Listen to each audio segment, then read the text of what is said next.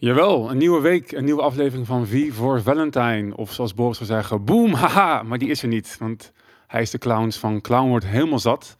Dus hij is even tussenuit uh, voor een uh, welverdiende vakantie, maar niet getreurd. Ik heb uh, een speciale gast die misschien wel net zo hartstochtelijk clowns haat als Boris en ik. Denk ik, weet ik niet zeker. Gaan we achterkomen. Ik heb hier naast me zitten Bart Brands. Welkom. Dankjewel, uh, Robert. Het leuk. Is, uh, ja, ontzettend leuk om, uh, om hier te zijn. Leuk dat je er bent. Ja. En is het zo? Heb je, heb je eenzelfde hartstocht, hartstochtelijke haat voor, voor clowns? Nou, ja, zolang ze kleine kinderen vermaken, vind ik het prima. Maar ja, als clowns, zoals genoemd de Clown World, ja, daar, dat, nou, laat ik in ieder geval zeggen, ik zie ze overal je merkt steeds meer dat we toch, uh, denk ik, een koers uh, opgaan waar, uh, ja, waar je niet anders kan, kan dan af en toe denken van we leven in Clown World. Mm, mm. Ja, ik, ben heel benieuwd hoe het met jou persoonlijk gaat in, in zeg maar deze, deze Clown World. We kennen elkaar, ik had net even voor de uitzending over, we kennen elkaar volgens mij nu zo'n zes jaar. Ja, ja voor zeker. Eerst, volgens mij gesproken een keer in, in Den Haag. Ja. Uh, dus veel veranderd in, in die tijd. Maar misschien voor de mensen die jou nog niet zes jaar kennen, zou je kort even willen uitleggen uh, wie je bent en wat je doet? Ja, natuurlijk. Uh, nou ja, ik ben, ik ben Bart, Bart Brams. Ik ben um, 40 jaar ook alweer.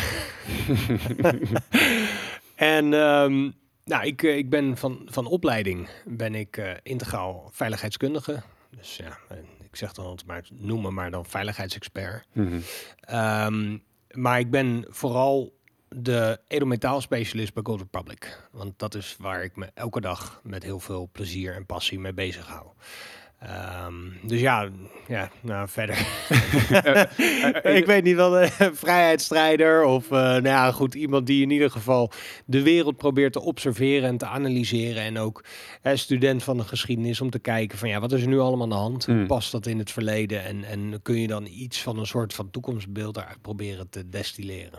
Ja, want we hadden net voor de uitzending over dat um, de opvattingen die we volgens mij uh, in ieder geval voor een groot deel delen over, over hoe de wereld in elkaar steekt en wat er gebeurt, dat dat zes jaar geleden nog heel fringe, fringy was. En nu zie je dat het eigenlijk steeds meer mainstream wordt. Waarvan jij zei, ja, dat, dat vind ik heel mooi. Dat denk ik ook. Aan de kant vind ik het ook heel treurig. Want het laat wel zien dat we in een tijd leven bij mensen zich toch twee keer achter een oor krabben van wat is hier nou precies gaande en wat moet ik hier nou precies mee. Um, maar de laatste keer dat je zag was uh, bij de, de business club ja. Prisma. Ja. Wat vond je daarvan trouwens?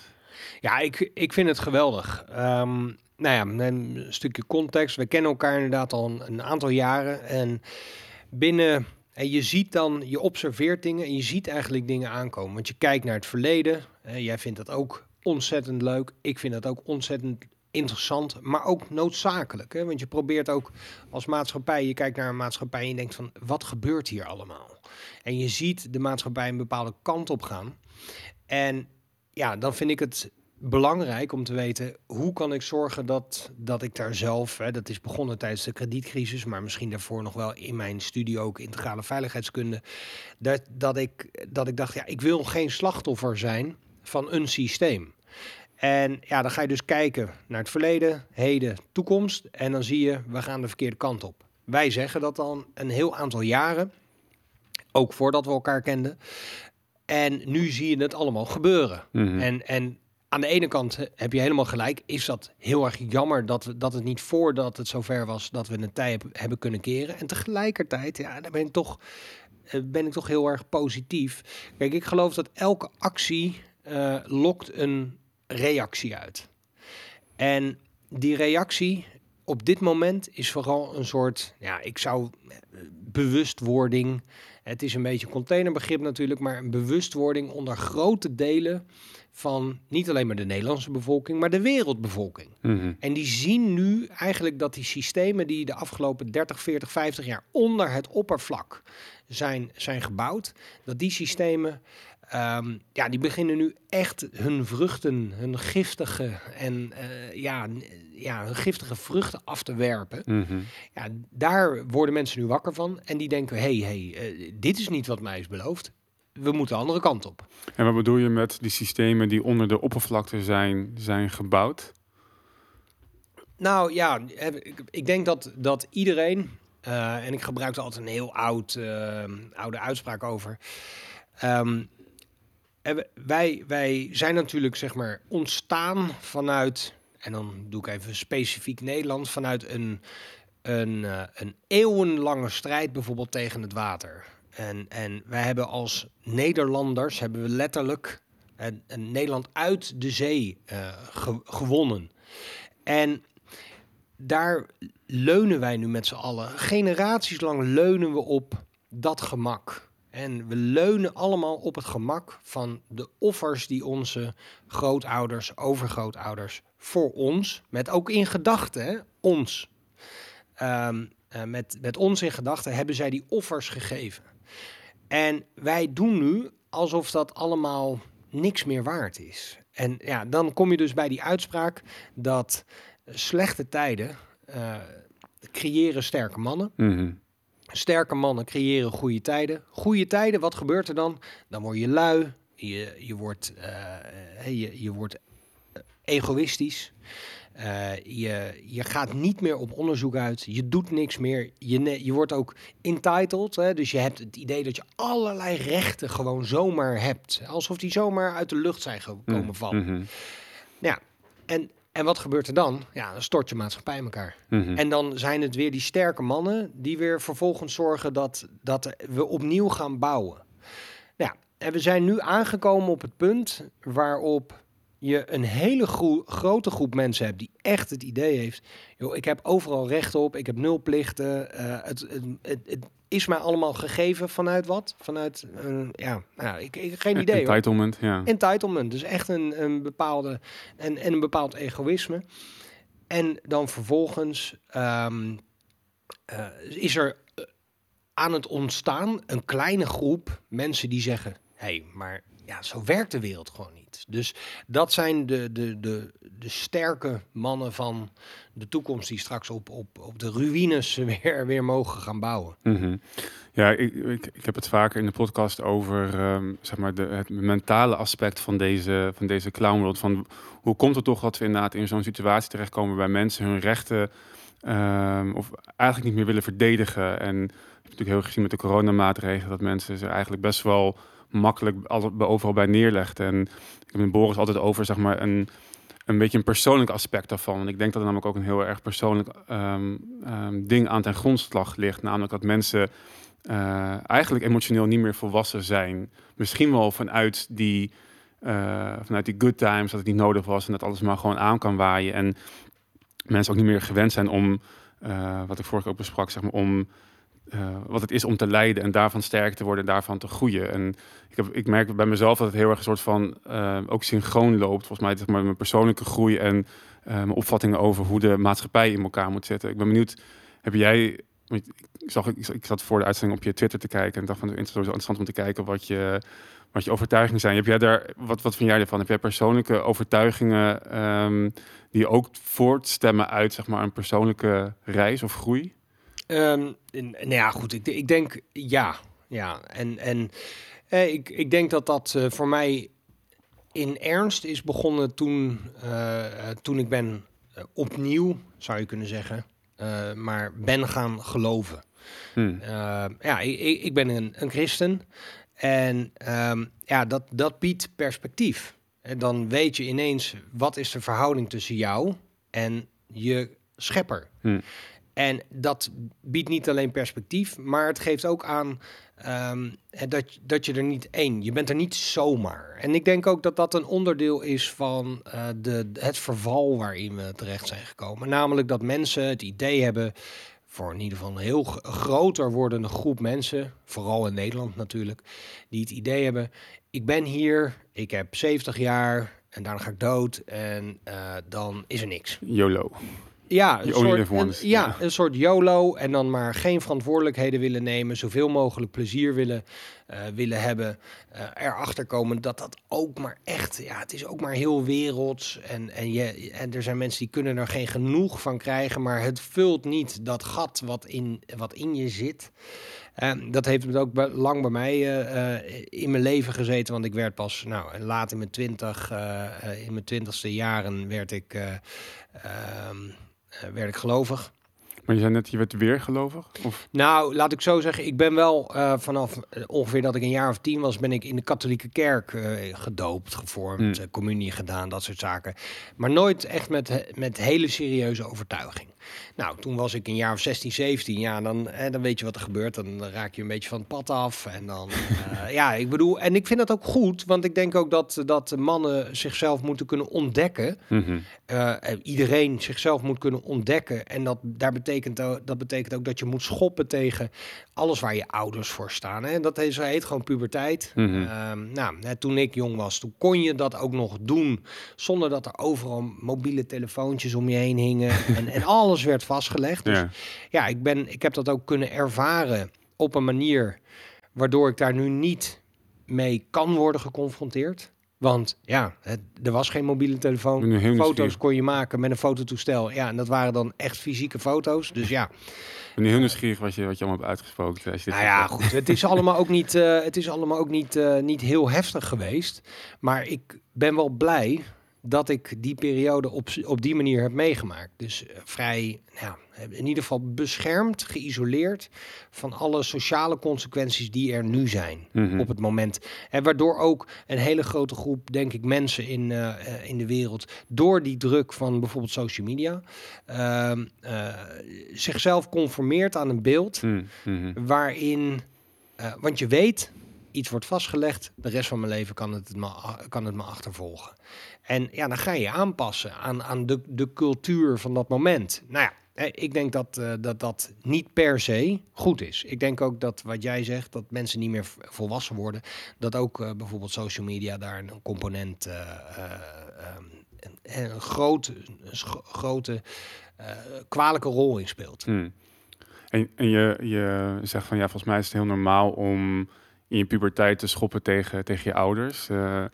Ik, ik, eh, ja, ik vraag me, ja, de meeste mensen doen dat en misschien is het ook wel gezond. Maar wat ik interessant vind is dat het, het, het lijkt ook een beetje als een eh, iets hebben tegen autoriteit. Dat zeg ik dan vanuit mijn eigen, eigen zienswijze en van daaruit voortvloeiende politieke opvatting of wereldbeeld. Eh, heb, jij problemen met autoriteit? Ehm, nou, ja, goed. Kijk, ja, ja ik, ik vind het wel. nou, ja, laat ik het zo zeggen. Kijk, ik ben nu wel op een punt aangekomen in mijn leven. En ik denk dat ik dat tien jaar geleden ook al beter kon. Is dat, dat ik voor een heel groot deel van wat ik doe en van wie ik ben. Het idee heb dat ik het beter weet dan de mensen die denken het beter te- voor mij te weten. Mhm. Ehm, ja, dan kom je natuurlijk in eerste instantie altijd uit bij een overheid. Mhm. Die, die allerlei regels oplegt. eh, en en ja, ze, ze kunnen, elke belasting die ze kunnen heffen, zullen ze heffen. Nou ja, wij hebben daar hele mooie eh, gesprekken over Mhm. gehad. Ehm, en, en ja, dan, de, ik ga daar niet zonder meer mee akkoord. In, in de zin dat eh, er zijn mensen die zeggen, nou, de overheid weet het beter. eh, en, en dan vervolgens ervaren ze ook vaak dat dat hele negatieve consequenties kan hebben. En sommige mensen moeten dat heel vaak, moet, en dan, dan, nou, dan mogen ze weer stemmen en dan denken ze, ja, nu komt het goed. Ja, ik heb daar al een tijd geleden, heb ik, eh, van die gedachte heb ik afscheid genomen. Omdat ik niet denk dat dat goed komt. Ik denk dat het juist heel belangrijk is dat je kijkt naar jezelf. Dus dat je probeert, oké, wat wil ik? Ik weet, weet ik het beter voor mezelf, voor mijn kinderen, voor mijn gezin, voor mijn familie. Ehm, en, en dat je dat dan gewoon vervolgens ook probeert te doen. Natuurlijk. Hè? En, en ik propageer geen anarchie of, of eh, ja, tegen wetten ingaan, want helemaal niet. Eh, want dat heeft ook geen zin, want dan word je gewoon opgesloten. Je wint het niet. Hè? Je Mhm. kan het niet winnen eh, van, van een, een overheid met een geweldsmonopolie. En tegelijkertijd binnen de ruimte die je hebt, denk ik, nou ja, hè, dan, dan moet je gewoon die ruimte die je hebt, die moet je pakken. Mhm. En, en misschien ook middels, ja, en ik zag even door mijn Twitter-feed Ja. scrollen. ik denk ook middels het uiten van bepaalde kritiek, wat wij natuurlijk al heel lang doen, ook te kijken of je die Overton window een beetje kan opschuiven. Waardoor dingen die, die vijf, zes, tien jaar geleden echt, da- dat je echt de, de enige was die, die het zei, Mhm. Ehm, dat je nu merkt dat honderden duizenden, zo niet miljoenen mensen, hetzelfde zeggen Mhm. en ook vinden. En, Mhm. maar daarvoor is dus wel noodzakelijk geweest dat dat wat er allemaal onder dat oppervlak en door die grote instituties is gepland, dat dat naar boven kwam. Mhm. Dat dat zichtbaar werd, zodat iedereen kon zien, ja, dit is niet wat we hebben afgesproken. Mhm. Ja, want ja, ik ben, ik zeg van Boris, maar ik ben zelf wel eh, anarchist. Overtuigd eh, inderdaad van het feit dat de overheid eh, op zijn best een noodzakelijk kwaad is. Maar volgens mij het beter werkt als we het weer met elkaar gaan organiseren. Met, eh, met verenigingen, kerken, eh, ehm, stichtingen en, dat soort zaken. Helemaal buiten overheid om. Maar goed, daar zijn we natuurlijk heel ver van af. Eh, zoals je zei, de Overton window, datgene wat politiek acceptabel wordt geacht door de maatschappij, zit nu meer richting staatsinmenging slash communisme dan dat het meer richting de vrije markt zit. Ehm, maar als, je dan, als jij dan als anarchie niet jouw ideaalbeeld is, wat zou dan jouw ideaalbeeld zijn van hoe we de maatschappij moeten inrichten? Ja, dat vind ik, een, vind ik een hele moeilijke vraag. Als je mij vraagt, wat, wat, ehm, wat ben je? Eh, nou, dan zeg ik dus allereerst, eh, dan, dan denk ik dat het altijd kiezen is uit oplossingen die op een bepaald moment afbreken. Ook anarchie, ook eh, nou, en, eh, libertarisme. En dat vind ik heel sympathiek. Mhm. Maar het is een papieren exercitie. Het is gewoon, het is in de theorie mogelijk. Het is nog nooit geprobeerd. Waarom niet? Omdat mensen eh, zijn, en mensen zijn corrupt. En mensen zijn corrumpeerbaar. Mhm. En mensen zijn dus, zullen altijd op een bepaald moment kiezen voor macht in een plaats van het, het weggeven Ja. van die macht aan, aan andere mensen. Omdat ze het idee hebben, sommige, sommige mensen ook echt vanuit het idee, ik weet het beter. Ik weet hoe we naar die utopie kunnen. Nou, dat eindigt altijd in ellende. Dat, eh, dat zeg ik vaak. Boek Democide is daarover geschreven. Is een hele mooie, denk ik, eh, compilatie van hoeveel slachtoffers er buiten oorlogen in de 20e eeuw zijn gevallen. Doordat overheden gewoon eh, massaal hun eigen bevolkingen begonnen af te slachten. Eh, nou, dat loopt dan in de honderden miljoenen mensen die in de 20e eeuw Mhm. eh, door hun overheid zijn vermoord. Mhm. Nou, en nou, dan, dan, eh, dan zeggen sommige mensen die dat zijn communisten en die zeggen ja, maar het communisme is nog nooit echt eh, uitgeprobeerd. Dat, kijk, op papier zou communisme ook kunnen werken, maar het is echt, het is ook net zoals libertarisme, is het ook een papieren exercitie, een theorie die nul rekening houdt met het menselijk handelen. Ehm, Maar, nou, maar libertarisme is toch juist, die hebben gestoeld op de pathologie, op de wetenschap van de menselijk handen, handelen. Eh, nou ja, maar- blijkbaar zonder, zonder rekening te houden dat mensen corrupt zijn. En dat, dat- dat is- iedereen, dat iedereen die, die die kans uiteindelijk krijgt. Ehm, Maar dat, eh, maar dat is juist, dat is juist het idee van libertarisme, dat de mens corrumpeerbaar is en dus geen macht zou moeten hebben. En dus dat je de overheid op zijn minst minarchistisch zou moeten, eh, eh, eh, of zijn ma- maximaal minarchist moet halen. En eigenlijk liever gewoon helemaal weg, omdat je mensen in machtposities inderdaad niet kunt vertrouwen. Klopt. En toch, en, en want dan, dan heb je dus die papieren exercitie en dan heb je de realiteit. Kijk, als libertarisme echt daadwerkelijk ook praktisch uitvoerbaar was, ja, dan was de hele wereld één groot libertarisch paradijs. Want dan bleek het de beste eh, vorm van ehm, ja, het inrichten van je maatschappij. Er is niet één land in de wereld dat een libertarische, eh, dat ook maar enigszins libertarisch is ingericht. Je zou kunnen zeggen, hè, Zwitserland met, het is in ieder geval gedecentraliseerd. Mhm. Ehm, eh, met, met, en, en ik vind ook Zwitserland, eh, nou ja, ik bedoel, ik, ik kom er met enige regelmaat, omdat daar kluizen en, en dan ga ik daar naartoe en dan ga ik dat bezoeken. Ehm, maar dus ik vind het ook een, schitterend land. Ik vind een schitterend land. Ik zou er graag willen wonen. Eh, het, het heeft heel veel vrijheden. Mensen hebben daar, zijn er heel gelukkig. Eh, dus ik vind, vind dat, eh, dat dat een voorbeeld kan zijn voor hoe ieder land eruit zou moeten willen zien. Maar niet één ander land dan Zwitserland ziet er zo uit. Dus, en, en Zwitserland is geen libertarisch land. Dus ik ben, ik ben een beetje, ik ben eigenlijk afgestapt van, van systemen op die manier benoemen. En, en ik ben gaan kijken naar, oké, wat gebeurt er aan het einde van zo'n, van zo'n traject? En nou, als edelmetaalspecialist ben ik de hele dag bezig met edelmetaal. En wat biedt edelmetaal? Edelmetaal biedt een perspectief dat gaat over duizenden jaren. Dus de, je bent niet aan het kijken op 10 jaar, 20 jaar, 50 jaar. Je kijkt echt naar de opkomst en de ondergang van beschavingen. Buitengewoon interessant. En dat biedt dus ook het perspectief dat je kijkt naar, oké, wat gebeurt er als een beschaving begint, begint te groeien, begint te bloeien? En wat gebeurt er als zo'n beschaving uiteindelijk weer ten onder gaat? En dan nou, zie je één, heel veel parallellen met wat er nu in de wereld gebeurt. Vooral dat eind, eindstadium. Um, maar het, het, het, geeft je dus ook weer een soort van uh, uh, mogelijke kijk naar wat daarna. Wat nadat dit systeem weer is, is afgebroken. Niet omdat we het afbreken, maar omdat het in elkaar stort door de, de rot die erin is gekropen. Nou, en dan, dan denk ik dat, uh, dat ik dus in ieder geval niet echt een idee heb van nou, dit, dit is uh, een, een, een systeem van hoe je een overheid inricht of hoe je een maatschappij inricht met een, een politiek systeem. Ik kijk gewoon veel meer naar, oké, mijn geloofsovertuiging is daarin leidend. Ik denk dat het altijd gecorrumpeerd wordt. En dat is, ik denk dat ik, dat ik ook daar kan leunen op 6000 jaar geschiedenis van hoe dat ook altijd gebeurt. En vervolgens is het dus uh, kijken naar jezelf, naar je eigen omgeving, uh, naar je eigen familie. Daar kijken wat je, wat je voor jezelf kan doen. Misschien omdat je daarover gepassioneerd bent of je hebt een publiek uh, dat je zegt, nou, ik, ik begin ook een podcast. Nou, wij hebben natuurlijk ook een YouTube-kanaal waarin ik dingen bespreek, meer gericht op economie natuurlijk, maar ook dingen bespreek waarvan ik denk van, nou, als ik daarmee mensen kan informeren over hoe zij wellicht zichzelf kunnen voorbereiden op iets. Maar ik, ik, ik, vertrouw niet op een, een instituut, een mhm. overheid, een politieke partij die, die mij komt redden. ja. ja, dat, dat gebeurt niet.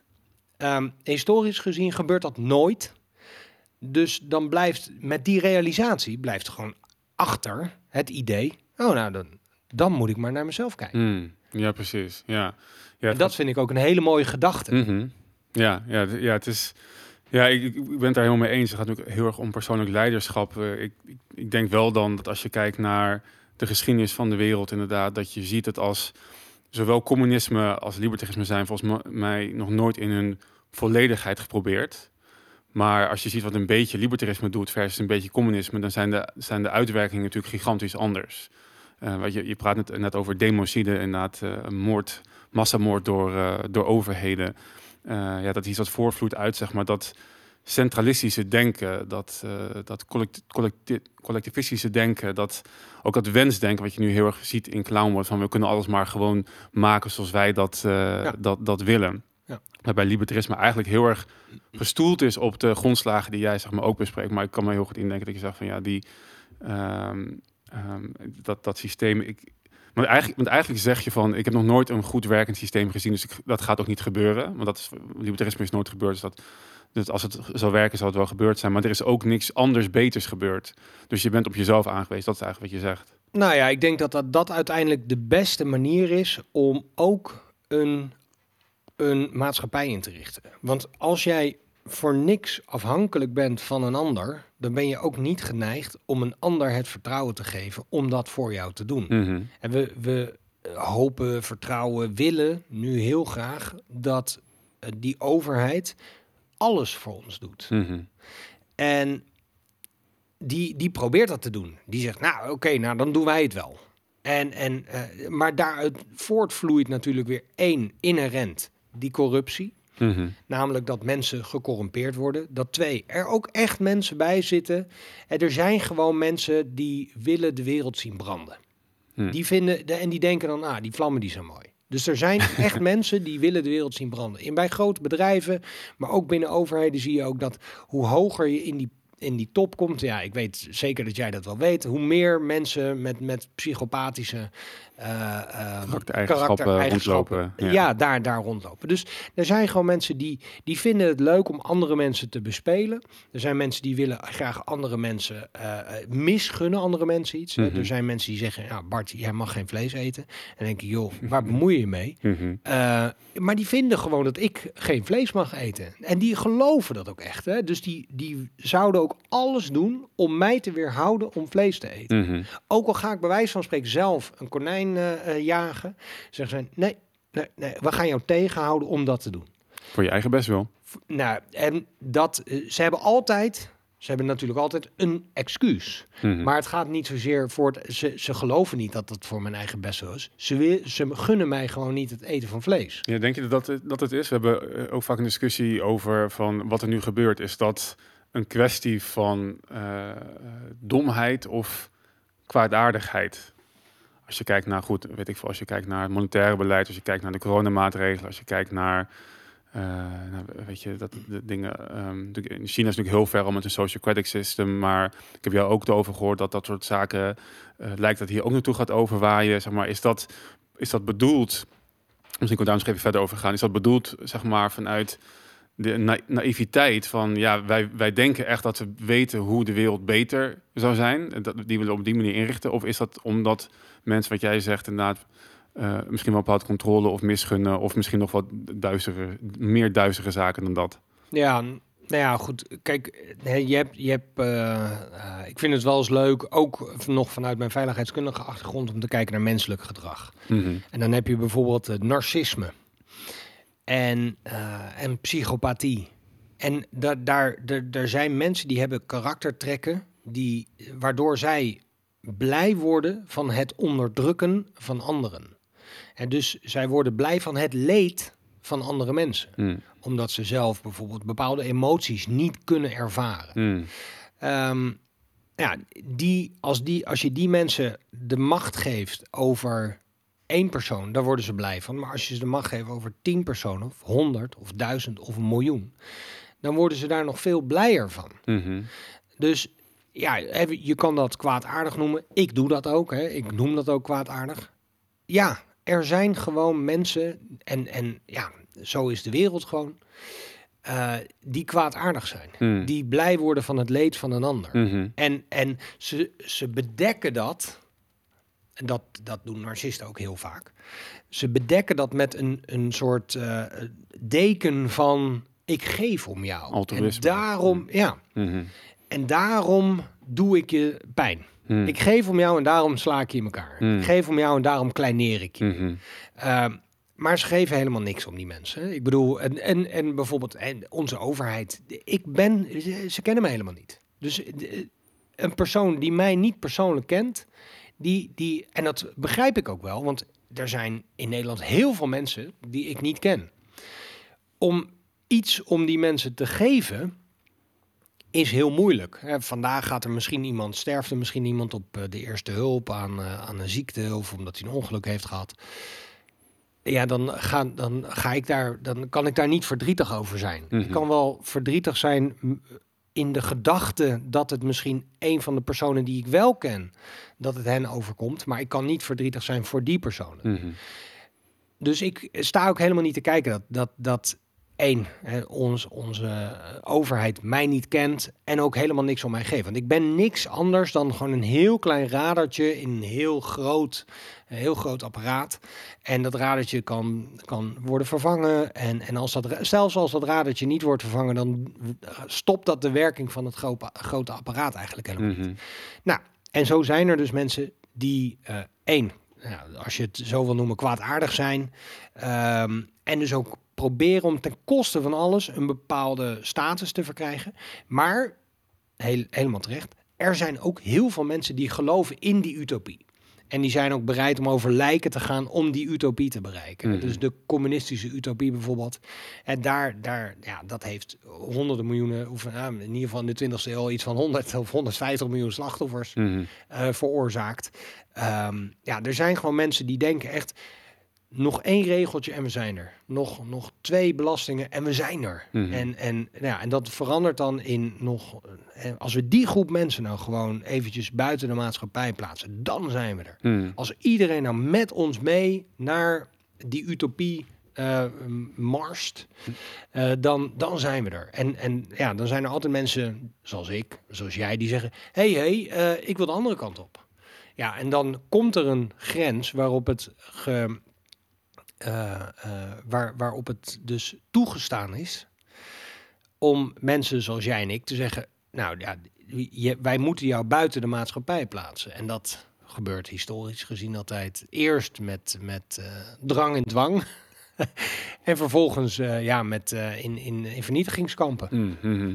Ik vind het echt mega mooi wat je zegt over ehm, eh, het eigenlijk twee dingen die ehm, dehumanisering eigenlijk van het systeem. Dat je zegt van ja, je kan niet eh, verdrietig worden om iemand die op de eerste hulp want je hebt gewoon geen persoonlijke band met die persoon. Dus dat is volgens mij een hele normale menselijke eh, reactie. En dat is wel eigenlijk wat je doet op het moment dat je de overheid verantwoordelijk maakt voor het welzijn van anderen. Dan maak je inderdaad ambtenaren die ergens op een abstract eh, niveau werken.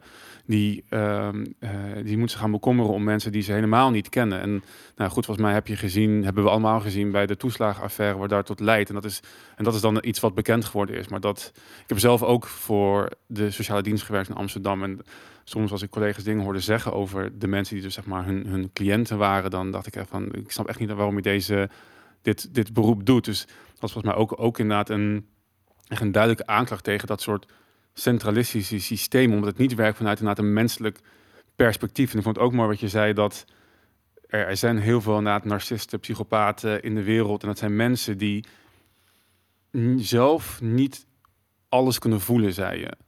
En volgens mij dat is ook een beetje waar ik in, het begin aan refereerde. Want ik denk dat dat, ehm, ik denk dat dat namelijk ook, en dat volgens mij zegt het ook een beetje de oplossing is voor waar we nu in zitten. Het is inderdaad niet een systeemverandering, het is een cultuursverandering waarbij we moeten gaan inzien dat we mensen zijn en misschien wel een beetje vergeten zijn wat het betekent om mens te zijn. En om alles te kunnen ervaren en voelen wat een mens voelt. Echt in, in alle rijkheid die we, die we kennen. Ik heb zelf dus dat, dat, eh, dat ook ervaren. Eigenlijk pas sinds ja, recentelijk ook echt het besef dat ik niet alles kon voelen wat ik hoor te voelen. En dat ik dat vanuit mijn jeugd heb meegekregen. En ik ben heel erg met een reis bezig met van ja, wat is het nou, eh, betekent nou om authentiek mens te zijn? En ik merk dat ik daardoor zoveel eh, meer me beter voel, gelukkiger voel, meer zelfvertrouwen heb. En inderdaad, nou, ik, had, ik had überhaupt niet de behoefte om mensen te onderdrukken, wat dan ook. Maar ik, kan, ik vond het mooi dat je zei dat dus mensen die, die niet alles kunnen voelen wat je zou moeten voelen, dan de neiging om andere mensen na te, te onderdrukken, om zichzelf beter te voelen. Ik denk dat dat volgens mij een van de grootste ehm, eh, problemen is die we moeten oplossen. En ehm Humberto Schwab, een filosoof die ik wel spreek, die zegt altijd... ehm, de, eh, de scheuren in onszelf lopen synchroon met de scheuren in de samenleving. En dat is dus zowel dus voor de mensen die inderdaad eh, nou, weet je, lijden aan psychopathie. En daar kan misschien heel van doen. Maar ook de mensen die niet weerbaar zijn tegen dat soort mensen. Dat zijn ook mensen die dus een deel van hun authentieke zelf, denk ik, nog niet hebben gevonden, kwijt zijn geraakt. En eh, daar toch mee aan de slag moeten gaan. En dus emotioneel volwassen moeten worden. Want daar gaat het dan uiteindelijk weer om. eh. Dus ja, ik denk, ik denk ja, volgens mij, volgens mij, is, volgens mij zegt het ook, voor mij is dit een beetje de crux van het probleem waar we door de, door de, door de weak man, door de strong times in zijn gekomen. Ja, nou ja, die, kijk, en dat, dat is dan weer vanuit ook wat ik, waar ik de hele dag mee bezig ben. Vind ik dat gewoon zo interessant dat het die inzichten biedt. Want je ziet eigenlijk, en dat vind ik, ja, dat, één, ik vind het buitengewoon interessant om het te zien. En tegelijkertijd denk ik, hoe is het in vredesnaam mogelijk? Dat je dus in een systeem zit, terwijl je datzelfde systeem al 10 of 20 of 100 keer voorbij hebt zien komen. En je ziet keer op keer op keer dat we collectief dezelfde fouten maken.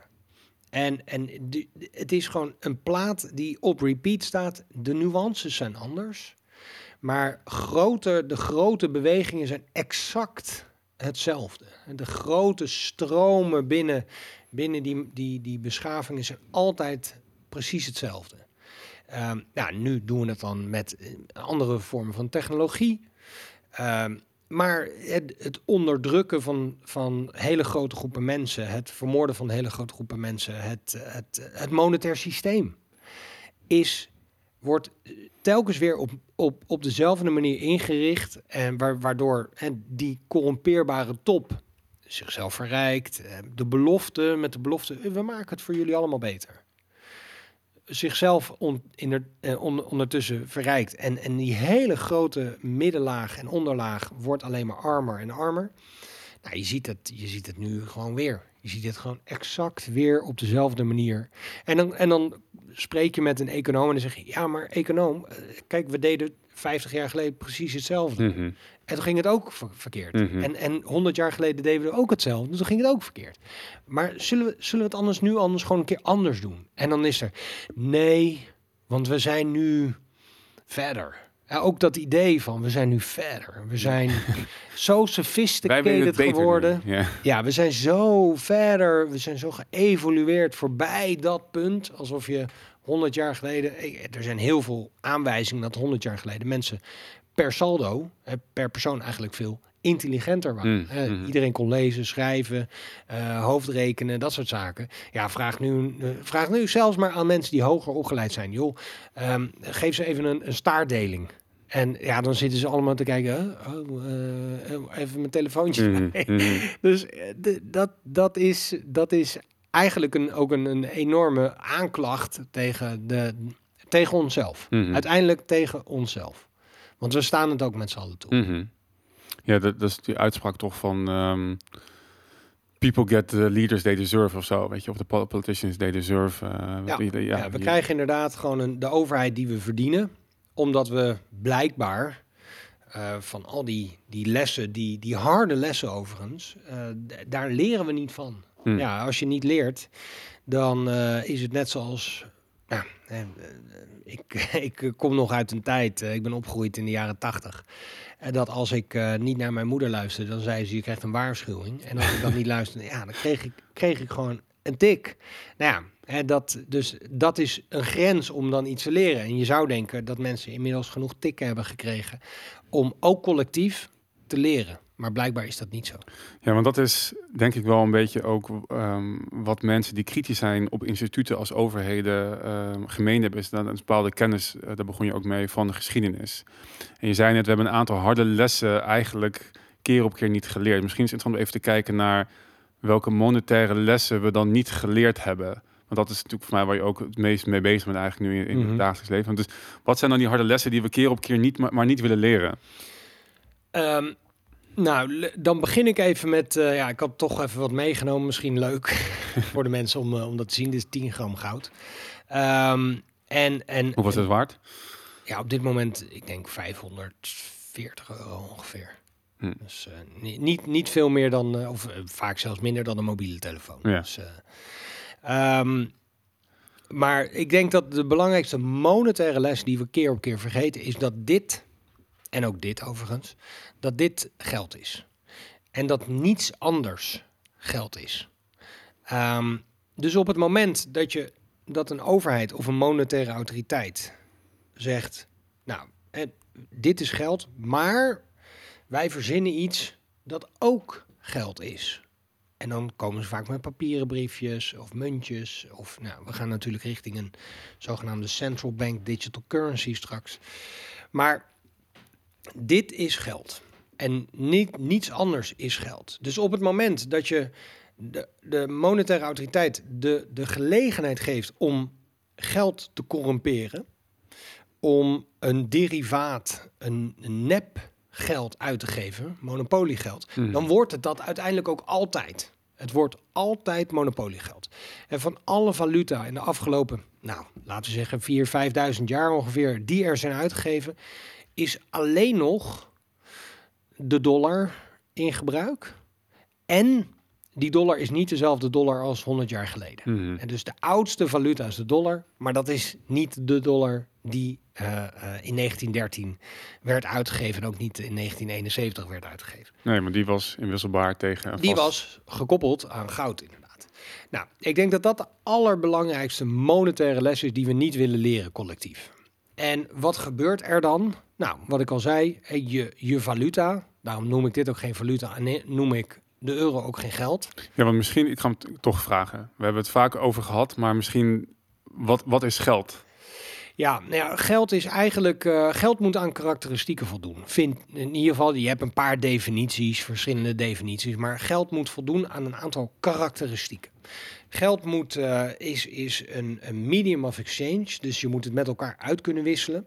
Het moet eh, deelbaar zijn. Het moet eh, houdbaar zijn. Het moet een geschiedenis van herkenning eh, of ge- gebruik hebben. En het moet universeel herkenbaar zijn. Nou, dit voldoet daar allemaal aan. Goud en zilver. Eh, ik, ik zeg wel eens voor de gein, als ik dit stel, de overheid zegt, nou, we gaan nu al het goud in beslag nemen. Dan kan ik dit eh, blokje goud kan ik in de sloot gooien. Zeg ik, ik heb het niet. En dan kan, dan ga ik zelf dood. En dan over duizend jaar Ehm, gaat iemand, eh, dan is die sloot, die is droog. En, en dan gaat iemand daar met een metaaldetector over. En, en die vindt dit blokje goud. En er is niets veranderd. Dus is het houdbaar? Ja. Doe ik datzelfde met een stapel euro's of dollars of wat dan ook. Dan over. Ja, dan, dan is het een uur later is het al opgelost, bij wijze van spreken, omdat die, die, die briefjes niet, eh, niet tegen dat slootwater kunnen. Maar ook als ik het zelfs heel netjes goed zou verpakken en het blijft en duizend jaar later vindt men iets, ja, dan is het leuk voor een museum, maar het is niks waard. Ehm, dit metaal eh, is dat wel. Ik kan een briefje van 50 niet in tweeën scheuren, jou een half briefje geven en zeggen van nou, doe mij maar voor 25 euro, nou ja, weet ik veel, eh, bier of water of eh, vlees of uh, groente. Dit blokje is 10 gram. Ik kan hier, eh, en, en wat is zo mooi aan goud en zilver ook? Het zijn elementen, dus in, ze zijn oneindig deelbaar. Het kleinste deel van goud is goud. Dus ik kan dit blokje, kan ik uh, bij wijze van spreken tot milligrammetjes opdelen. En in milligrammetjes goud uitwisselen met een ander. En dat kan met zilver ook. Dat kan niet met, met valuta. Je hebt natuurlijk ook euro's, centjes. Mhm. Maar, ehm, eh, dus ja, tot op zekere hoogte is het deelbaar, maar niet in zichzelf. Dit kan ik omsmelten tot hele kleine hoeveelheden of joh, weer bij een grotere eenheid gooien. Ehm, nou, het universeel herkenbaar. Buiten Europa ja, is jouw euro. eh, Mensen willen hem helemaal niet. Dus eh, als, als, als ik naar Amerika ga en ik eh, loop een winkel en ik zeg, hier, hier heb je 50 euro. Ja, dan zeggen ze, joh, moet ik ermee? Ehm, dus het is niet universeel herkenbaar. Het wordt ook niet universeel geaccepteerd. Ik moet het omwisselen tegen een lokale valuta. Nou, dan, uh, dan blijft nog over dat het een geschiedenis van gebruik moet hebben. Dit spul wordt al 6000 jaar gebruikt als geld. Het wordt ook nu nog steeds gebruikt als geld. Hè. Veel mensen zeggen, ja, maar het is nu geen geld meer. Uh, in 90% van de wereld, ook in Nederland, kun je betalen met goud en zilver. Bij MKB'ers, je moet niet naar de Jumbo willen met, uh, met goud, want dan zeggen ze, ja, wat, dat, wat is dat? Wat is dat? Uh, dat accepteren we niet. Dat snap ik ook wel. Maar als jij naar je buurtsuper gaat, um, een kleine lokale supermarkt, of je gaat naar een dealership en je kent de eigenaar. En dat heeft ook weer te maken met zorgen dat je in een, in een maatschappij leeft waar je mensen ook kent, uh, gemeenschap hebt met mensen, dan kom je uiteindelijk tot een, um, tot een vertrouwensband en dan zou jij naar je lokale dealership kunnen gaan. Uh, of naar die ondernemers die ook bij uh, die businessclub aanwezig waren. Hmm. En dan kan ik zeggen, joh, ik heb hier een koffer met goud. Mag ik die Porsche meenemen? En dan zegt die eigenaar van die Porsche dealership, die zegt, Bart, is goed. Ik heb nog nooit een MKB, ik ben nog nooit een MKB'er tegengekomen waar, waar ik tegen zei, joh, stel nou kom met een koffer goud of een koffer zilver bij jou binnen, kan ik dan zaken doen met jou? Ik heb nog nooit een ondernemer gehoord die zei, nee, dat accepteer ik niet. Iedere ondernemer, zeker MKB'ers, die ook zelf dat hebben opgebouwd, die zeggen, tuurlijk. Want die zijn inmiddels, ja, die, die weten ook wat er gebeurt met de euro. Mm. Nou, dus in het kort, dit is geld. Mm -hmm. Goud en zilver zijn geld. Al het andere is allemaal een derivaat, nep, uh, tijdelijk. Uh, een, een, het, het, doet zich voor als geld, maar het is, uit, het is uiteindelijk niets anders dan, dan ja, een, een bedrog. En wat het mooie is, ieder bedrog komt uiteindelijk tot een eind. En daarom keert ook iedere valuta terug naar de intrinsieke waarde van nul. Mm. Dat, uh, dus er is geen valuta die het al duizend jaar volhoudt bijvoorbeeld. Of, of 200 of 300 jaar. Mhm. Gebeurt gewoon niet. Waarom niet? Ja, omdat het nep is. Hmm. En, en dan weet je, advocaat van de duivel heeft net over de central bank digital currency. Zeg maar, op het moment dat alle centrale banken één currency invoeren, digitaal, sowieso deelbaar. Het is dan een minimum of, of exchange en het is overal wordt het geaccepteerd. Heeft nou nog niet het tand destijds doorstaan, maar goed, eh, ehm, resultaten behaald in het verleden bieden ook niet per se garantie voor de toekomst. Is dat dan wel geld? Uh, nee, uh, want nou ja, goed, in ieder geval statistisch gezien nee. Um, en en uh, ik denk ook dat het moet ook universeel geaccepteerd worden. Kijk, nou, in ieder geval, dan spreek ik voor mezelf, maar ik denk ook voor jou en voor een heleboel andere mensen. Uh, op het moment dat, uh, dat uh, er middels een, nou, een universal basic income, een gegarandeerd inkomen voor iedereen. je hoeft alleen maar je wallet te openen en dan zitten er duizend CBDC-euro's of dollars of noem maar op, zit erin. Um, dan ga, dat betekent niet dat ik het ga gebruiken. En dan ga ik veel liever naar jou en dan zeg ik, joh Robert, uh, ik wil een keer bij jou langskomen. Uh, of ik wil een keer bij jou wat komen eten. Vind goed als ik je in, in een andere crypt cryptocurrency betaal? Of in goud of zilver of, of wat dan ook. Dus die universele acceptatie, die wordt, die wordt, het kan ons worden opgedrongen. Mm -hmm. Maar het kan ons, wij zullen het niet vrijwillig accepteren. Hmm. En, en die acceptatie, die is wel noodzakelijk om geld te zijn. Hmm. Nou, het, het gebrek aan acceptatie zorgt uiteindelijk ook voor weerstand.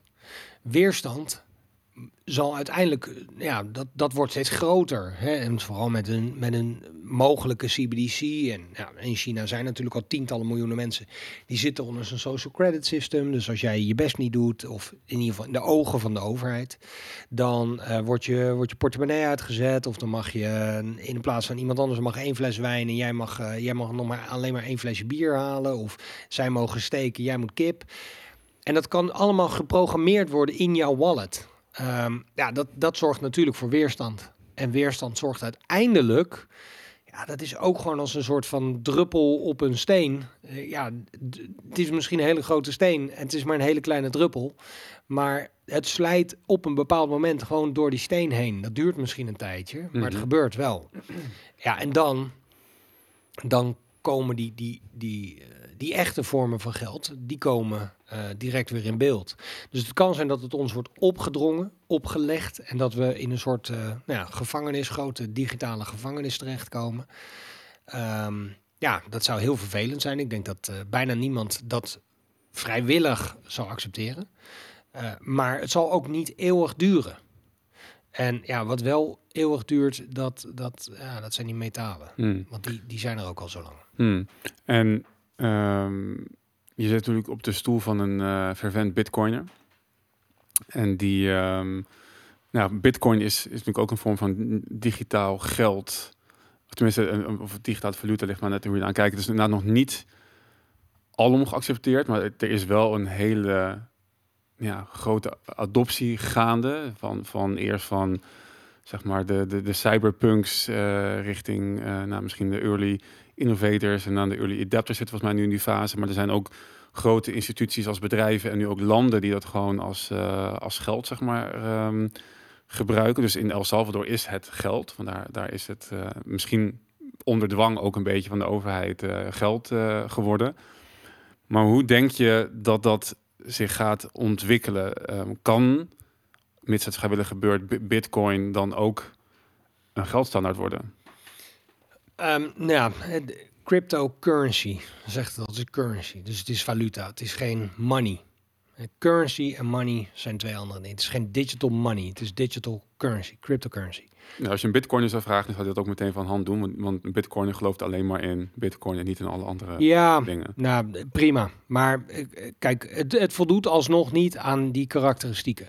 Eén vind ik heel erg leuk. En, en laat ik direct zeggen, ik kocht in 2013 mijn eerste bitcoin. Um, ik ben ontzettend fan van wat het, de mogelijke potentie die daarin zit. Vooral omdat het ook uh, soevereiniteit biedt. Hè. Ik bedoel, ik denk dat, dat uh, Bitcoin, net als goud en zilver, soeverein is. Uh, jij kan met mij of met iemand anders waarde uitwisselen zonder dat daar tussen zit een derde partij. zoals een bank of een overheid. Niet alleen dat, je bent niet afhankelijk van de hoeveelheid die uh, banken bijdrukken of overheden bij kunnen drukken of monetaire autoriteiten bij kunnen drukken. Dus er is, is geen bewuste vorm van inflatie. En de inflatie van goud is dat wat we vinden in de grond. De inflatie van bitcoin kun je helemaal uitrekenen tot het laatste blok. En je weet dat er nooit meer dan 21 miljoen zullen zijn. Dus er is geen bewuste vorm van inflatie waarbij het doel ook is om de waarde van die valuta te verlagen. Maar, en die vind ik altijd heel leuk om toch even hem scherp te zetten. Kijk, over 100 jaar is de kans heel groot dat we geen bitcoin meer gebruiken. Net als alle andere valuta. Het is, en daarom is het ook. Waarom? Nou, omdat technologie schrijdt voort. En, en de wet van Moore, die, die, die dicteert bijna dat wij over een aantal jaren, en dat kan 100 jaar zijn, misschien is het 500 jaar. Eh, op de, de, de grote schaal, en dat betekent dus niet dat ik niet nu heel enthousiast ben, want dat ben ik wel. Uh, maar op, op de lange tijd, op de lange termijn, is, uh, is, de, is de kans dat Bitcoin uh, nog wordt gebruikt als, als uh, echte medium of exchange, hè, als, als valuta, ja, die is, die is nul. Uh, dus dat kan 100 jaar zijn, dat kan 200 jaar zijn. Maar waarom is die nul? Jaar. Dat vind ik heel stellig. Sorry? Dat, waarom is die, wordt die nul? Dat vind ik heel stellig.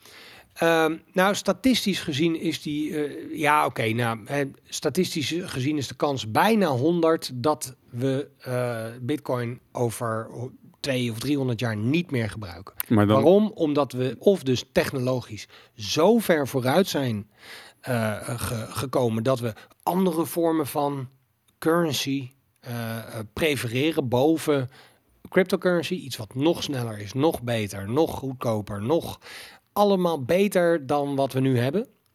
En dat is dus ook de geschiedenis van valuta. Je ziet elke keer, nou eerst was het uh, nou ja, miniaturen van gereedschap bijvoorbeeld. Of schelpen. Of zakken met zout. Nou, dat werd, hè, dat leefde allemaal naast nog als valuta naast goud en zilver. Nou, en daarna werd het stuk papier. Dat waren eerst stukken lappen met papier. En dat vertegenwoordigde dan bij wijze van spreken 5 euro omgerekend. Nou, dan moest je zo'n lap papier meenemen. Dat werd steeds kleiner, kleiner, kleiner. Inmiddels is het plastic, is het digitaal, of in ieder geval, ja, hè, heb jij gewoon uh, je, je rekening bij de ING en maak je me zo een tikje over als ik erom vraag. Um, we hebben dan ook crypto, maar er zal ongetwijfeld een next step zijn. Er is een volgende stap. Die kunnen we ons nu nog niet bedenken misschien. Maar misschien over vijf jaar dat iemand denkt, ja, als we het nou zo doen, is het nog beter. Dus statistisch gezien is die kans dat, dat Bitcoin over, nou laten we zeggen, 200 jaar, dat dat dan nog steeds wordt gebruikt, is echt nihil. Nihil. En minder dan 1%. De statistisch gezien is de kans dat dit goud en zilver over duizend jaar nog steeds geld is, is bijna 100%. Want we hebben een geschiedenis van 6000 jaar. Dus dat als je dat projecteert naar de toekomst toe, dan is die, de zekerheid zoveel groter dat dit nog wel uh, uh, wordt gebruikt. Um, al waren het niet als primair als geld, dan wel als uh, onderdeel van de technologie die we dan hebben. Of, of weet ik veel, iets met warmte, zonnepanelen, nou, noem, het, noem het allemaal op. Binnen het, het gebruik, het industriële gebruik, waar, waar, waar we het nu ook voor gebruiken. Dus ik vind, hem, ik vind hem leuk om hem op die manier altijd een beetje scherp te stellen. Omdat ik, uh, hoewel ik een groot fan ben van Bitcoin, niet wil doen alsof het de end-all be-all is. Want dat is het niet. Overigens is natuurlijk ook een kans dat we die technologie weer verliezen. En dat zie je ook. Er zijn ook beschavingen die hebben dingen gebouwd waarvan we denken van ja, we weten eigenlijk niet hoe ze dat gedaan hebben. We kunnen het ook niet nadoen. Dus ja, de kans bestaat natuurlijk ook dat je de technologie die we nu wel hebben, dat we die verliezen. Ja, precies. Het zou, het zou kunnen, het, dat zou kunnen. Het zou ook kunnen dat de, de bitcoin, zeg maar de blockchain protocol wordt, wordt verbeterd of dat er toevoegingen worden gemaakt, waardoor dat... Uh, nou goed, de vraag is of dat nodig is. Moet het sneller, moet het goedkoper? Want een deel natuurlijk van de kracht van bitcoin is uh, dat het een bepaalde hoeveelheid energie kost om te minen en, en, en, en uit te geven. Dat is eigenlijk wat het is eigenlijk energie. En dat is misschien wel überhaupt wat geld is. Het is een vorm een vertegenwoordiging van de energie die je in de samenleving of maatschappij hebt. Um, Jij hebt geluisterd naar Michael Saylor. dat is dat van Michael Saylor. Ik denk dat ik, het, ik heb het denk van Boris, maar die heeft vast die oh, kant van Michael okay, Saylor dat, uh, hebben. maar die uh, en, maar aan de andere kant als je kijkt bijvoorbeeld naar goud, goud en zilver zijn natuurlijk ook eerder gebruikt als als geld, maar dat is nou dus nou, in 1971 voor het laatst losgekoppeld. En ik denk, nou goed, we zijn allebei van overtuigd dat als je een goud, zilver of zeg maar een harde geldstandaard hanteert, dat dat onwijs beneficial is voor de maatschappij. Ik, een van de boeken die, ik daar, die we daar het meest over geleerd is toch de Bitcoin Standard van Cijferdius Amus. Die eigenlijk precies, precies beschrijft wat jij zegt, zeg maar, die geschiedenis van het monetaire uh, systeem. En, uh, en hij zegt dus, ja, er zijn wel een aantal voordelen die Bitcoin heeft ten opzichte van goud, waaronder de transporteerbaarheid over ruimte voornamelijk. Ja. Tijd is natuurlijk gewoon, dat is gewoon duidelijk, dat heb je, dat heb je verteld. Maar over, over ruimte is het natuurlijk voor... Um, uh, Bitcoin makkelijker. En de deelbaarheid is ook natuurlijk is digitaal. Dus je kan een miljoenste Bitcoin, maar ook één ja, je of kan twee. Satoshi's uh, overmaken of, of hele Bitcoins. Ja, klopt. Dus je kan makkelijker, je zou in, in, in, in feite makkelijker een huis kunnen kopen met uh, misschien met Bitcoin dan met, dan met goud. Misschien moet je dan weet ik veel, dat, dat, goed, dat zijn, dat is een interessante discussie. En ook bij de kijkers zijn er mensen die vervent Bitcoin zijn en mensen die vervent uh, Goldbug zijn. Ja, en, en ik, ik denk dus niet dat je hoeft te kiezen. Nee. Kijk, ik, mm, vind het mm. leuk, ik vind het leuk om hem scherp te zetten en dan te zeggen van nou, uiteindelijk wint goud. De, er, is maar één, er kan maar één winnaar zijn, dat zijn goud en zilver als het gaat om geld. Dat betekent niet dat je niet nu want de voordelen die jij noemt, die zijn er echt. Hè? En ik kan nu, uh, ik doe wel eens dan transacties in Litecoin. Dat vind ik, nou, vind ik gewoon leuk, uh, leuk muntje. Um, en dan, dan doe ik transacties over honderden kilometers. Ik verstuur hem, ik hoor meteen daarna ping. En dan tegen 1 cent heb ik bij wijze van spreken 500 euro verstuurd. En dan een paar dagen later krijg ik in de bus wat ik heb besteld. Of, of uh, ja, en dan heb ik de dienst of het product daarmee aangeschaft. Dus ik begrijp heel goed dat, dat uh, uh, op dit moment Bitcoin een ontzettend interessante manier is en ook voordelen heeft ten opzichte van goud. En ja, en, en tegelijkertijd denk ik dus, je hoeft niet te kiezen. Je mhm. kan dit allebei mooi vinden. Dus die, die, we, ik, ik word heel vaak gevraagd: goud of bitcoin? Nou, dan als je mes op mijn keel zet, goud. Maar ik hoef niet te kiezen. Ik hoef niet te kiezen. Dus ik doe allebei. Mhm. Want, en dat is het belangrijkste, allebei geven ze je soevereiniteit. En allebei zorgen ze ervoor dat jij niet afhankelijk bent van een overheid of een monetaire autoriteit. En dat vind ik gewoon, denk ik, misschien wel het mooiste aan, aan edelmetaal en ook aan, uh, aan, aan cryptocurrency. Een aantal van de cryptocurrencies is dat ze je gewoon vrijheid schenken. Mhm. Iets waar wij allebei groot fan van zijn. Zeker weten, ja. ja. Wat ik sowieso mooi vind, is dat inderdaad die, die, die tand, de, de tand destijds doorstaan. Dat is natuurlijk iets wat nou, Goud nou, duidelijk wel heeft gedaan. Dat, uh, het verhaal bij de Business Club toen vond ik ook heel, uh, heel sterk. Uh, ik had die, dat argument eigenlijk nog niet eerder zo, zo gehoord. Ehm. maar hoe zie je het dan voor je? Want de, wat wel zo is nu, het is wat, daarom ook een gevaar voor die instituties waar we het eerder over gehad hebben. Want het geeft ons soevereiniteit en het neemt hun dus hun narcistische macht af. En dat, dat is misschien ook wel de reden dat in 1971 uh, zeg maar die goudstandaard uh, van de dollar afgehaald is. En daarvoor natuurlijk eerder van alle andere valuta, die toen aan de dollar werd gekoppeld, die weer aan goud was gekoppeld. Dus er was een soort van goudstandaard wereldwijd tot 1971. En die was maar toen in één keer opgeheven. Het is, dat is natuurlijk iets wat overheden graag doen, waar centrale banken eigenlijk tegen tegen vechten, tegen die soevereiniteit. En um, het is ook e-, eerder al voorgekomen dat het ook daadwerkelijk fysiek afgepakt is, die soevereiniteit, het goud en zo van, van, van mensen. Denk je dan dat we in een situatie terecht gaan komen waarbij we dat kunnen tegenhouden en we dus wel gewoon gebruik kunnen maken van de harde geldstandaard goud of zilver? Ja, ja ik, denk, ik denk dat we uiteindelijk weer terugkeren. En waarom, uh, waarom denk ik dat? Is, uh, nou ja, we hadden het net natuurlijk even over dat kleine groepje mensen in, in die, de, de top van die instituties die uh, bewust met soms een motief van meer macht of, of dat ze het leuk vinden om mensen pijn te doen, die worden, dat is maar een heel klein groepje mensen. Echt een mini, mini groepje mensen. Je hebt heel, een hele grote groep mensen die als, nou ja, Um, die wel geloven in een bepaald doel. En de, die, dus die utopie willen nastreven, maar op een bepaald moment wel denken, ja, volgens mij gaat dit niet. Hè? Dus ook niet bereid zijn om bijvoorbeeld zelf uh, hele heftige uh, daden te verrichten.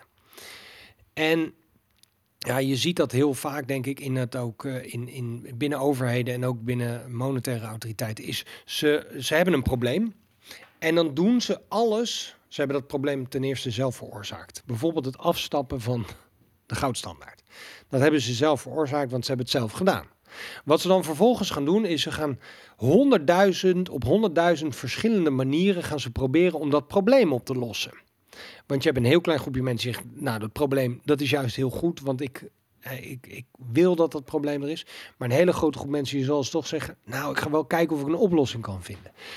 Uiteindelijk, nadat ze alles hebben geprobeerd, blijft alleen nog de goede oplossing over.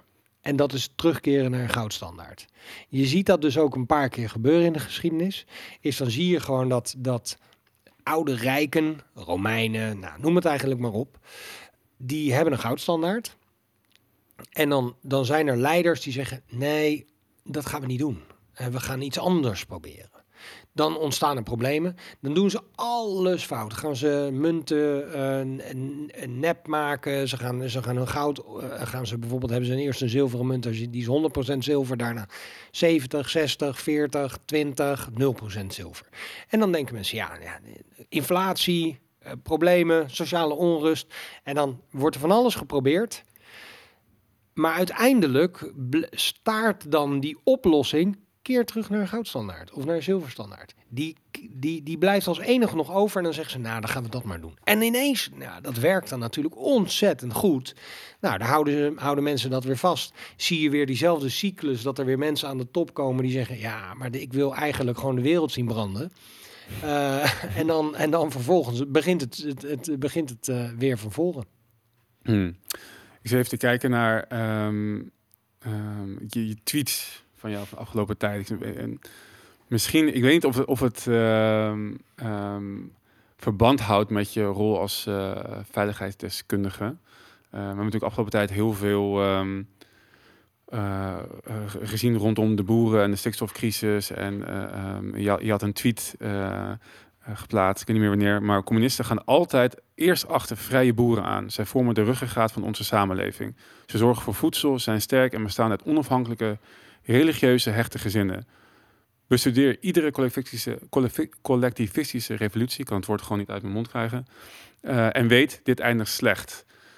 Um, ik, eigenlijk, ja, ik, ik had net, net kwam een vraag in, in, in, mijn, in mijn hoofd en misschien uh, slechts al, twee meteen. Nee, nee laten, we, laten we beginnen met gewoon um, voedselzekerheid. Is dat iets waar je je ook, je houdt je met politiek bezig, je houdt je wel met die crisis bij, maar voedselzekerheid, iets waar ik zelf afgelopen tijd toch ja, over na ben gaan denken. Gezien inderdaad de, de, de, de mars richting de boeren. En, en, uh, en nou, misschien wel wereldwijd ook dat dit nu uh, een beetje gaande is. Het lijkt of er wordt gemold aan onze voedselzekerheid. Uh, en hoe zie jij dat? Wat, is dat zo? Wat zijn de consequenties daarvan? En wat, ja, nou ja, ja misschien, kijk, misschien niet bewust. Hè, in de zin van dat er mensen zeggen, ja, we willen dat iedereen verhongert. Mm. Um, tegelijkertijd, je ziet dat met die ESG-doelen bijvoorbeeld. Uh, en daar hoort gewoon bij minder consumeren. En ja, ik, heb dat, dat, je ook gedeeld in. Ja, er, leeft gewoon een gedachte dat we met te veel mensen zijn bijvoorbeeld. Um, en, en dat, er, dat we af moeten van we must cull the, call the, the herds. En dus we moeten gewoon, hè, een groot deel van de mensen moet eigenlijk niet bestaan. Nou, hoe krijg je dat voor elkaar? Bijvoorbeeld door mensen honger te laten hebben.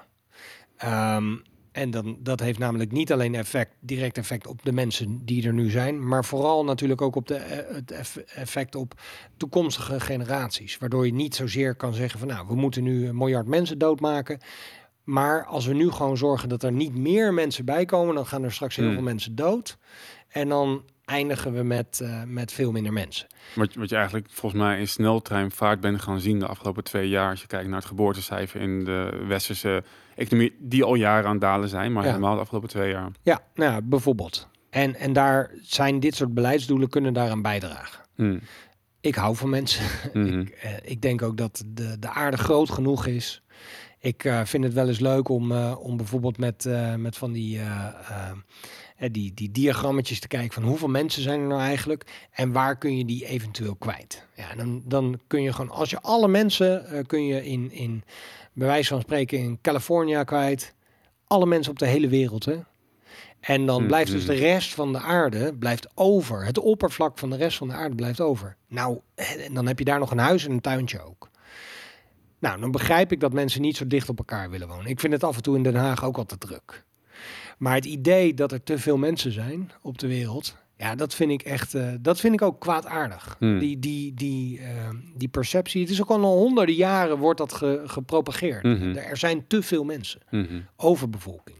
Ik denk wel dat er sprake kan zijn van overpopulatie, dus op plekken in de wereld, in Hongkong, hele drukke plekken in Azië bijvoorbeeld, dat je denkt van, jeetje, hier, het is hier druk.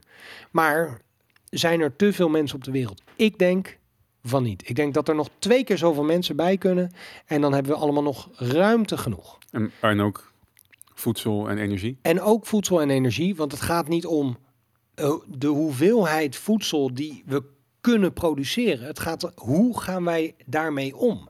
Kijk, ik ben een heel groot fan van natuur en milieu. Ik ben conservatie. Ik denk ook, want we hadden het er in het begin even over. Ja, wat geloof je dan? Ik ben, mm. ik, ik denk dat ik een, een je zou me een, een uh, ja, in ieder geval conservatief. Um, nou ja, in ieder geval uh, christen. Uh, en en conservatie vind ik heel belangrijk. Dus ook milieuconservatie. Nou, als ik zie hoe sommige landen omgaan met bijvoorbeeld, ik duik, duik ook graag, mm. met wat er allemaal in de zee zit. Dat, daar, daar, ja, daar word ik echt verdrietig van. Daar word ik zo verdrietig van. Terwijl, terwijl als wij alle 7,5 miljard elke dag een hengel in het water zouden gooien, dan zouden we elke zeven, zouden 7,5 miljard mensen elke dag hun eigen eten uit de zee kunnen halen. Mhm. Maar als wij op industriële manier de zee leeg vissen om vervolgens wat daar in die zee zit, vissen, te gebruiken als kunstmest, ja, dan ben je gewoon niet goed bezig. Mhm. En gebruik daar dan gewoon dat wat je hebt, namelijk bijvoorbeeld de uitwerpselen van vee voor. Mhm. Nee, dat doen we niet. We vissen die zee leeg.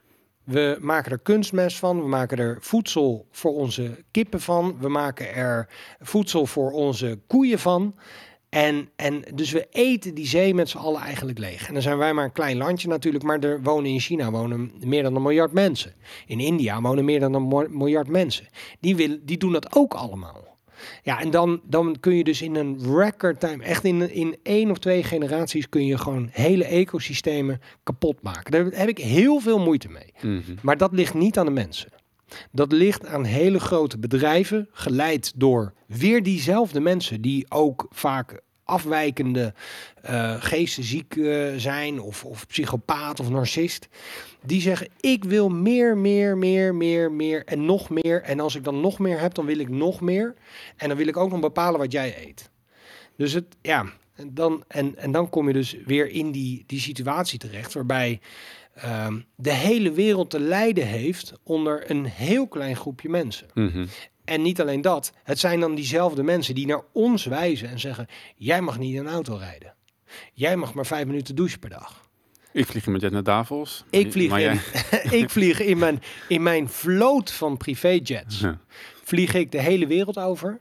Maar jij mag maar vijf minuten douchen. En jij moet straks eh, insecten gaan eten. Hmm. Want uh, de wereld vergaat. Mhm. Nou, één, de wereld vergaat niet. Uh, en twee, ik denk dus ook dat het uh, dat, dat als wij gewoon op een normale manier omgaan met de wereld, dan kunnen er op de wereld 7,5 miljard mensen leven, maar ook 15 miljard en ook 20 miljard. En ja, omdat ik van mensen hou, zou ik dat helemaal niet erg vinden. Maar er zijn mensen die echt het idee hebben, we zijn met te veel. Heel veel mensen, ook in Nederland. Hè, hele normale mensen waar ik af en toe gesprekken mee heb, die zeggen, ja, er zijn, er zijn gewoon te veel mensen. En dan denk ik altijd, ja, maar wat ben je dan zelf? Mhm. Je bent toch zelf ook mens? Mhm. Je zou toch ook je eigen vrienden en familie niet het misgunnen om te leven? Mhm. Uh, ja, dus ja, die... die uh... Maar is dat ook niet een beetje het basis van het beleid? Als je kijkt naar, naar stikstof en CO2-problemen, dat zijn inderdaad de basiselementen voor, voor leven, voor menselijk leven, die nu inderdaad een soort van probleem zijn bestempeld. Uh, bedoel, waar, waar, waar gaat dit heen? Waar, waar gaan we heen? Misschien in brede zin, niet, misschien niet alleen met de boerenprotesten, en, maar gewoon als, je, als we kijken wat we net hebben besproken, uh, van de, de, de fouten die we als mensen keer op keer maken en blijkbaar niet van leren. Ik weet niet, gaan we er nu van leren? Waar gaan we, waar gaan we de komende vijf, vijf jaar naartoe? Nou ja, goed. Ja, kijk, ik hoop natuurlijk dat, dat we met z'n allen een soort van. Um, ja, dat, dat dat bewustzijn. dat nu overigens wel begint op te leven. Hè? Want ja, wat, wat we in het begin zeiden, jij, jij en ik, uh, wij, wij zien dit al tien jaar eigenlijk een beetje aankomen. En nu ineens zijn er heel veel mensen die zeggen: Ja, hoe zit dat eigenlijk met dat, uh, met dat World Economic Forum? Of met, uh, met al die in supranationale instituten, met het IMF, met de Bank of International Settlements, met Vroeger, tien jaar geleden, wist niemand wie de, wie de topman of vrouw van de ECB was. Nu is Christine Lagarde is gewoon een, een household name aan het worden. Mhm. Iedereen weet wie zij is. En heel veel mensen uh, hebben daar dan ook een negatieve connotatie bij. Um, dus we worden wel met z'n allen, denk ik, een stuk bewuster. Tegelijkertijd, ja, kijk, ik kijk gewoon, ik analyseer de geschiedenis. En dan kijk ik, oké, wat is er toen gebeurd?